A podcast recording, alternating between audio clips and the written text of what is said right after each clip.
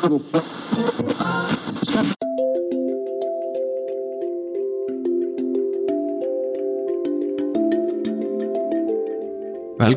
í Móla, þetta er Magnús Haldásson sem talar hér frá Korklandi, Washington eins og venjulega.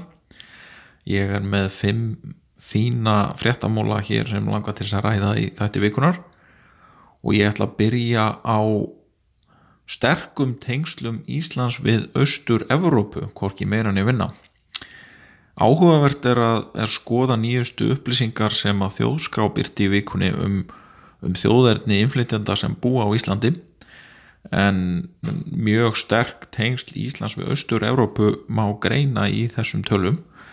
og, og það er svona eitthvað sem er kannski alþekkt að, að, að pólska samfélagið á Íslandi er orðið mjög stórt, þetta eru yfir 20.000 frá Pólandi og, og allt í allt er þetta 47.000 mann sem er sviðputtala og sem nefnur fjölda Íslendingar sem búa erlendis sem er, er hérna þetta mjög stór hópur finnst mér. Við, við Íslendingar erlendis viljum, viljum skilgra nokkur í þennan ljómandi fína hópi Íslendingar sem þar búa. Þeir skipta sem sagt 20.000 er yfir 40.000 og svolítið, svolítið merkilegt að velta því fyrir sér hversu mikið þessi hópur inflytenda á Íslandi hefur stakkað, hann hefur verið mjög mikilvægur í til dæmis efnarslegu tilliti á síðustu árum og fjölga gríðarlega eh, bara þúsundu manna á ári. Fólki sem hefur komið til Íslands að vinna og, og, og tekið að sér að byggja upp til dæmis þjónustu í ferðarþjónustu og, og mannvirkja gera og svo framvegis og framvegis. Oft er þetta, oft er þetta fólk sem kemur til landsins frá Östur-Európu og það er ekki hægt að segja annað en að þetta fólk sé að leggja sitt að mörgum og sé gríðarlega mikilvæg mikilvægur hlutið af hagkerfunu og samfélaginu. Og þetta er eitthvað sem að, sem að mætti kannski gera meira með, kannski hægt að hægt að rækta þessi tengsl við þessa þjóðir sem að leggja svona mikið til Íslands en meira en gert hefur verið en, en líka má velta fyrir sig hvernig gengur aðlaga fólki sem að sesta á Íslandi að íslensku samfélagi og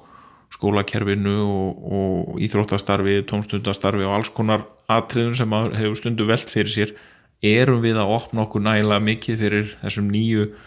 íbúum á Íslandi sem vilja koma til Íslands og leggja sitt að mörgum og eru að gera það. Ég held að það megi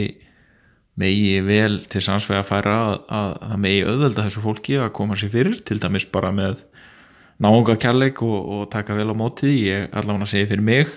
eitt af því sem maður mann einna best eftir þegar maður að koma sér fyrir í nýju landi það er gott viðmót viðmót fólk sem maður hittir það er eitt af því sem maður mann mjög vel eftir. Maður til dæmis enn eftir og mun ekki gleyma æðislegu viðmóti frá húsverðum sem maður bjó í, í eða sem maður var að vinna í,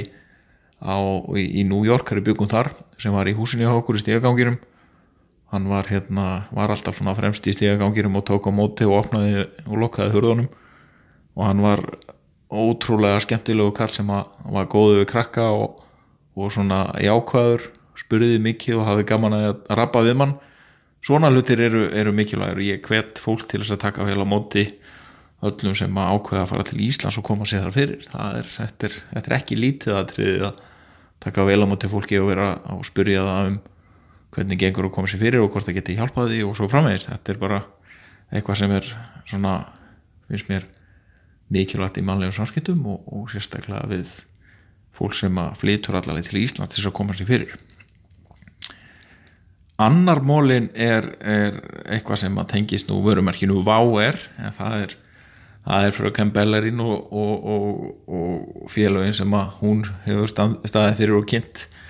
sem allar sér að fara að selja flugmiða undir merkjum Váer og, og hefja starfsemi. Uh, margt er á huldu þegar þetta varðar og, og yfirlýsingar um það að, það að þau ætli ekki að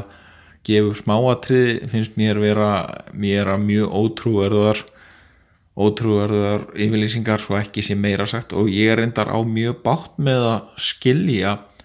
hvers vegna stjórnvöld og þá samgöngustofa og eftir atvikum aðra stofnarnir sem koma að veitingu flugræstarleifa og svo framvis eh, hvernig, hvernig það má vera að það sé ekki búið að búið að uh, krefja þá sem ætla að fyrir að byggja upp hlut af íslensku flugbrunni krefja þá upplýsingar sem vera byrtar ofnbölega ef það er eitthvað sem má læra af óförum VAR þegar félagi fór í gjaldtrótt þá er það að það var ótrúlega lítið upplýst um gangmála miðaðu hvernig staðan var. Og það er eins gott að það verði ekki farið á stað án þess að vera búin að fjármagna eða að takast á í sveiblur í flugrekstri sem eru mjög miklar og veldir aðeins fyrir sér hvað, hvað er hérna baki og hversu trúverðugt verður þetta. Það verður vissulega mjög gott fyrir neytendur að fá, fá nýja möguleika og vonandi verður þetta allt tröstsins verðt en það er ástæða til þess að vera með evan á vopni á meðan ekki búið að upplýsa um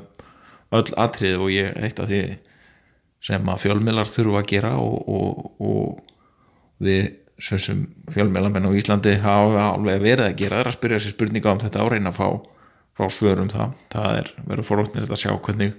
næstu vikur og mánuðir fara og hvort að það hefur sér nýtt félag til flugs og, og verður, verður með góðum hjálptu við skulum sjá til.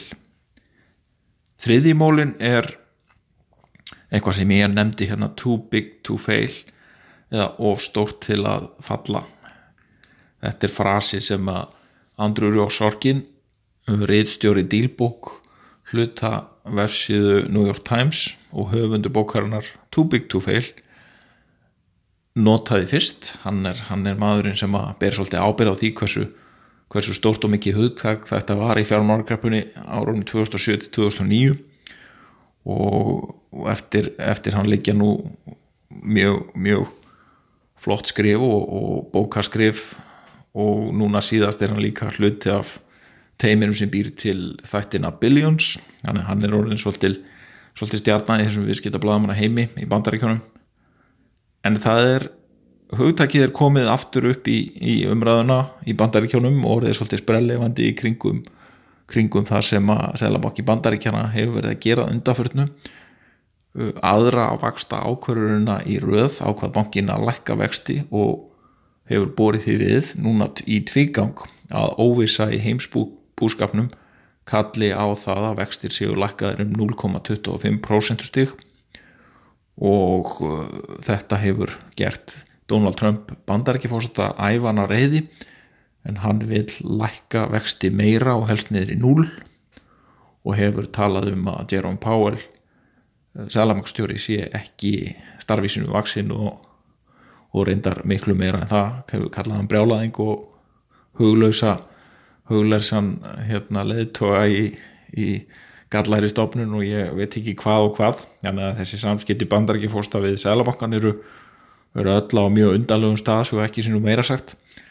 En í raukstunningi e, Sælabankan bandar ekki hana fyrir þessari vaksta lækkun hefur komið fram að það hafi komið upp svona vandamál og fjármála markaði sem hafi kallað á fjár insbyttingu skamtíma insbyttingu frá Sælabankanum inn á markað til þess að mæta stöðu sem þar hefur komin upp. Og þetta hefur einmitt svona dreyið upp meira lífi umræðinum um too big to fail eða ofstur til að falla og hvort bankar séu ofstóri til að falla og hvort að skattgreðendur verði kallaðir til ef að kemur til vandamála í heimsbúrskapnum það er það sem að, maður veldi stundum fyrir sér varandi banka og það alveg á það sama við um Ísland og önnu lönd að bankar eru allt og stóri til að falla. Það vandamál hefur ekki verið leist þó að það sé búið að breyta regluverki mikið og herða til dæmis eigin fjárkrögur og meira gagsæði þegar kemur að gæði lánasafna banka og svo framvegis þá breytir það því ekki að, að mikil vandamál banka verða alltaf vandamál sæðlabanka og skattgreðenda í leðinni þannig að maður veldir aðeins fyrir sér bankar hafa ekki verið að minga þvert á móti og í bandarækjónum er mikil umræða um þetta akkurat þessi missirinn þegar eru komnar blíkur á lofti í heimsbúskapnum og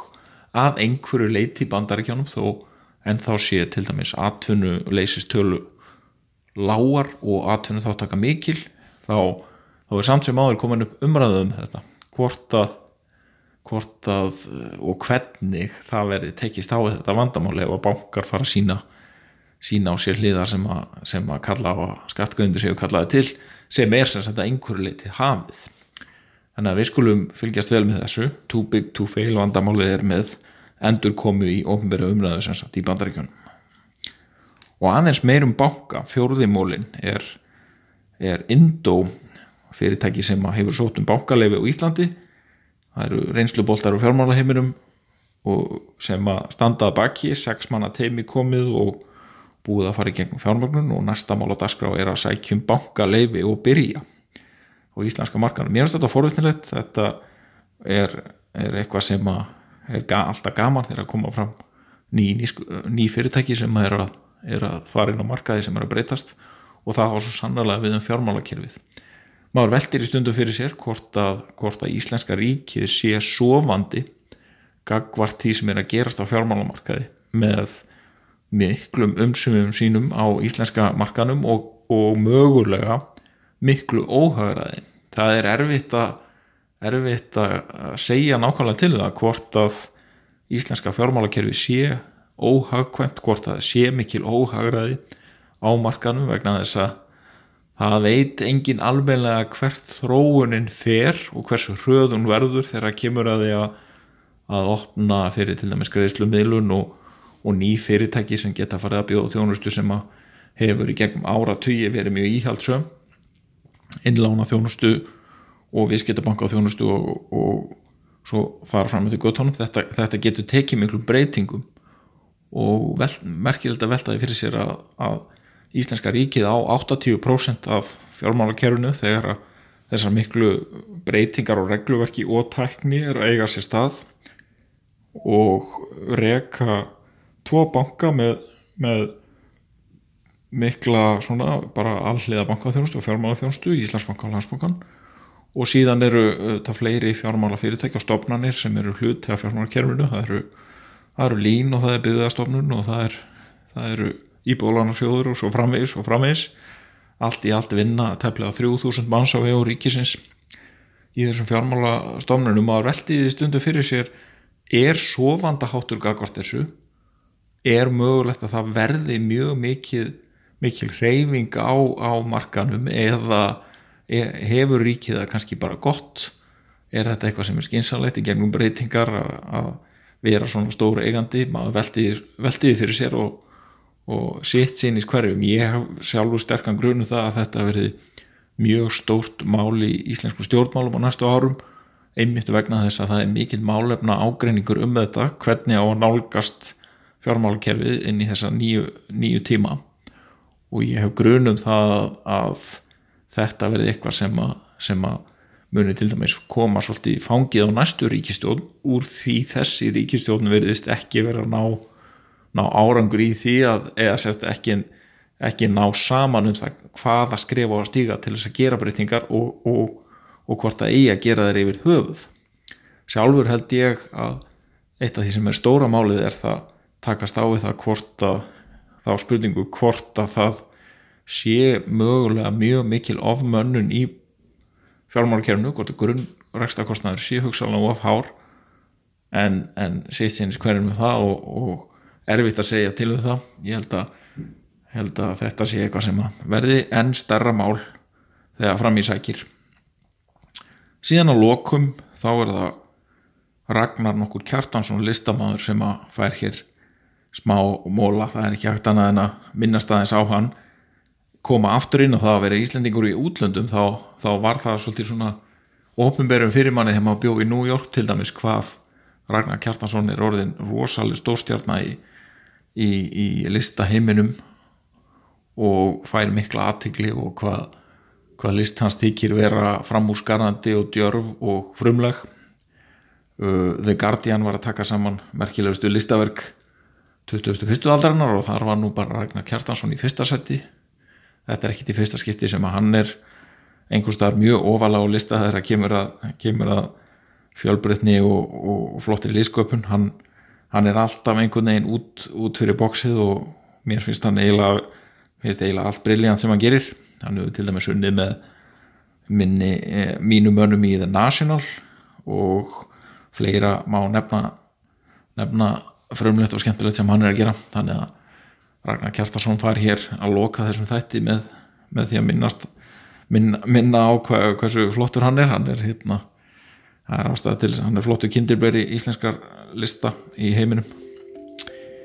Ég verð með annan þátt af mólum eftir viku, takk fyrir.